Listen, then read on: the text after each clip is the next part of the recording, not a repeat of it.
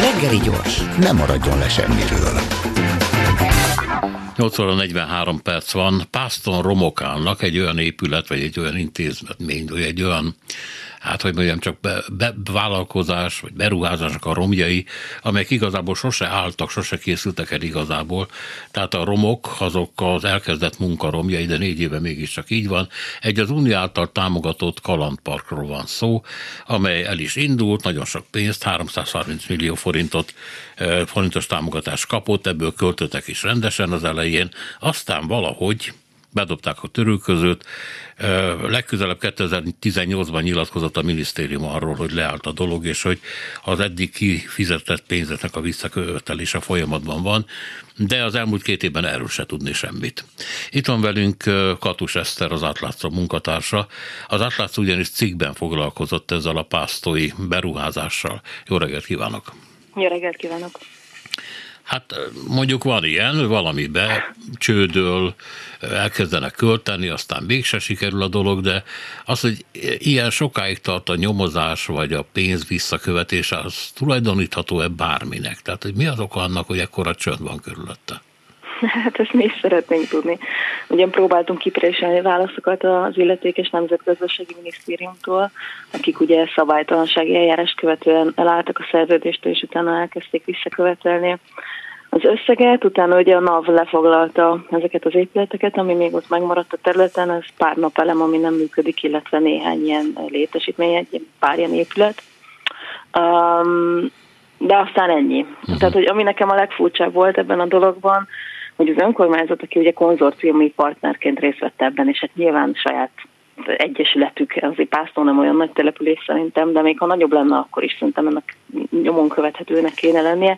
Tehát ugye helyi önkormányzatból se volt polgármester, se a mostani vezetés, nem tudnak igazából semmit.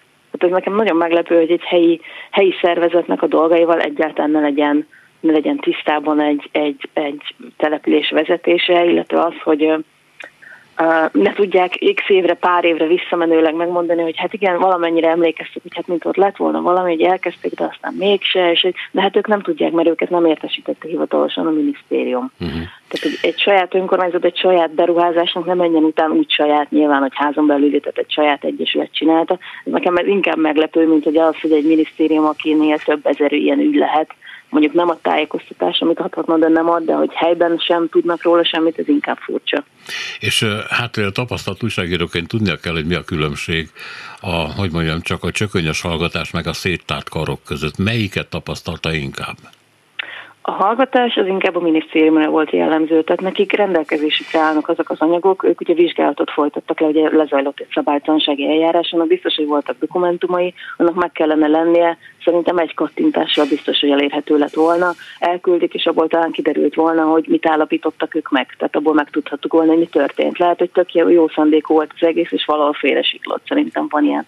De ugye elég érdekes cégek állnak a háttérben, de lehet, hogy ott csúszott el a dolog, úgyhogy ezt megtudhattuk volna. Az önkormányzat inkább ez a, hát az nem az én dolgom, mert az Egyesület vállalt felelősséget, kicsit inkább ilyen lerázzuk magunkról, mert látjuk, hogy ez egy probléma, nyilván rossz híret kelti, akármelyik önkormányzatnak, akár az előzőnek, akár a mostaninak, nyilván az ilyenekről nem szeretnek beszélni a polgármesterek sem. Amit abból a szempontból megértek, hogy ez nekik rossz reklám, viszont, viszont a felelősséget meg valakinek csak kellene vállalni, és ők ott laknak együtt, ismerik egymást, tudják, hiszen saját egyesületeik közt számon van tartva az illetékes egyesület, tehát ezért furcsa nekem ez. Ugye ez a Hasznosi Szabadidő Egyesület, amelyik közbeszerzést rendelt el, vagy írt ki, Igen. és ha jól olvasom az ön cikkében, akkor a nyertes a Re-Energy Holding zárt körül működő részvénytársaság, ez 119 millió forintért vállalt mindenféle munkákat.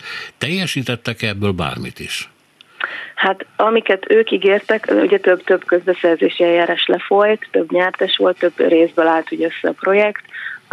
Enne, ezeknek a a dolgok, most nem is tudom mi volt, hófánk, meg, meg csúzli élményjáték, dolgot pálya, tehát ezeknek nem látszanak a nyomai. Lehet, hogy egyszer ott volt valami, de most már nincsen ott semmi. Uh-huh. A, egy másik cég, a Nógrácig végzett, uh, ők voltak elvileg, akik felelősek voltak az infrastruktúrális fejlesztésekért, meg a napelemekért. Szerintem ennek a nyomai láthatóak ott. Ami, ami probléma ugye most a karantén, meg az egyéb lezárások, meg szigorítások miatt is sokkal nehezebb ezeknek úgy utána menni egy helyszínen. Nagyon sokszor futunk bele abba a problémába, egyrészt nem mehetünk oda, ugye elég nehézkes most a, a közlekedés minden szempontból, nyilván a közlekedés meg főleg, a másik az összes olyan intézmény, ahol lehetne könnyebben érdeklődni, kocsma, meg ilyenek, ahol ugye az emberek szokták tudni, hogy mi történt, azok ugye mind zárva vannak, tehát hogy sokkal, sokkal kevesebb forrás van, és hát így, így mondom, tehát a hivatalos utakon... Még a paplakot szokták mondani egy ilyen információs forrásként a kocsma mellett. Igen, tehát ahol van hogy ezekkel érdemes foglalkozni, hogy ez is nehezíti a dolgot, hogy, hogy kinyomozzuk, hogy mi történt pontosan. Több, több cég érintett volt, és ezeknek volt ugye egy közös pontja, egy közös személy, akit szintén nem sikerült elérnünk illetve az Egyesület korábbi vezetőjét sem sikerült ugye szóra bírnunk. Több, több módon kerestük telefonon, de kiderült, hogy ez nem is az ő telefonja, csak egy ügyvédi irodájé. Hát egész Facebookon, ott, igen. igen. ott nem válaszolt. Lehet, hogy nem is látta, ugye egy ilyen furcsa rendszer van, hogy ha ismeretlenül küldünk, akkor nem is biztos, hogy egyáltalán látta, tehát nem biztos, hogy direkt nem válaszolt, lehet, hogy nem is érzékelte, hogy kapott megkeresést, e-mailek nincsenek, honlapok nincsenek Hát a szokásos, ugye megszűntek már azok a cégek, amik érdekeltek voltak benne, nincsenek elérhetőségek, lepattannak az üzenetek, visszajönnek hibokóta. Hát a Magyar Bermuda háromszögek közül az egyik. Egyébként lehet tudni, hogy mennyi pénzt veszett oda? Hát szerintem, ahogy így a papírokból látszik, valószínűleg az összes. Komolyan? Ez a 330 mi. Hát amennyi a benne van az épületekben, meg a napelemekben, az nyilván ott van. Hát ezért már érdemes eltűnni a háromszögben. Az összes, igen. Azért én óvatosan foglalkoznék, mert ugye mindig van egy, akire a végén, akin csattam az ostor, most ugye ezeket lefoglalta a NAV, de azért ez egy ilyen rendszer szintű probléma. Tehát ebből látszik, hogy nincs egy kontroll, nincs egy ilyen ellenőrzés ezek fölött, aminek kellene lenni akár folyamatban. Lehet, hogy közben leadtak ők beszámolót, hogy elkészült ilyen fogban, meg nem tudom, 70%-os, nem tudom, milyen készültségben. Ezeket, hogy valameddig ellenőrzik, és utána nem. Tehát, hogy ezeket az uniós projekteket sokkal szigorúbban kellene szerintem ellenőrizni több fázisában még a projektnek az meg, hogy utána évekkel próbálunk utána futni a pénznek, szerintem ez, ez nem jó megoldás. Sőt, hát nem lehet, hogy a, a cégek, amelyek úgymond pályáztak és pénzt kaptak, már nem is léteznek. Hát nem, nem, több, több nem létezik már. Becsődöltek, eljárás indult, rengeteg végrehajtás indult ellenük, ezek, sőt az egyikben volt lefoglalás és ugye pénzügyi részesedés. De, és ilyenkor mit csinál az EU? Vissza, visszakapja a pénzét valahonnan? Hát szkeptikus vagyok. Nyilván az Olafhoz, hogyha eljutnak ezek a dolgok, akkor indíthatnak vizsgálatot.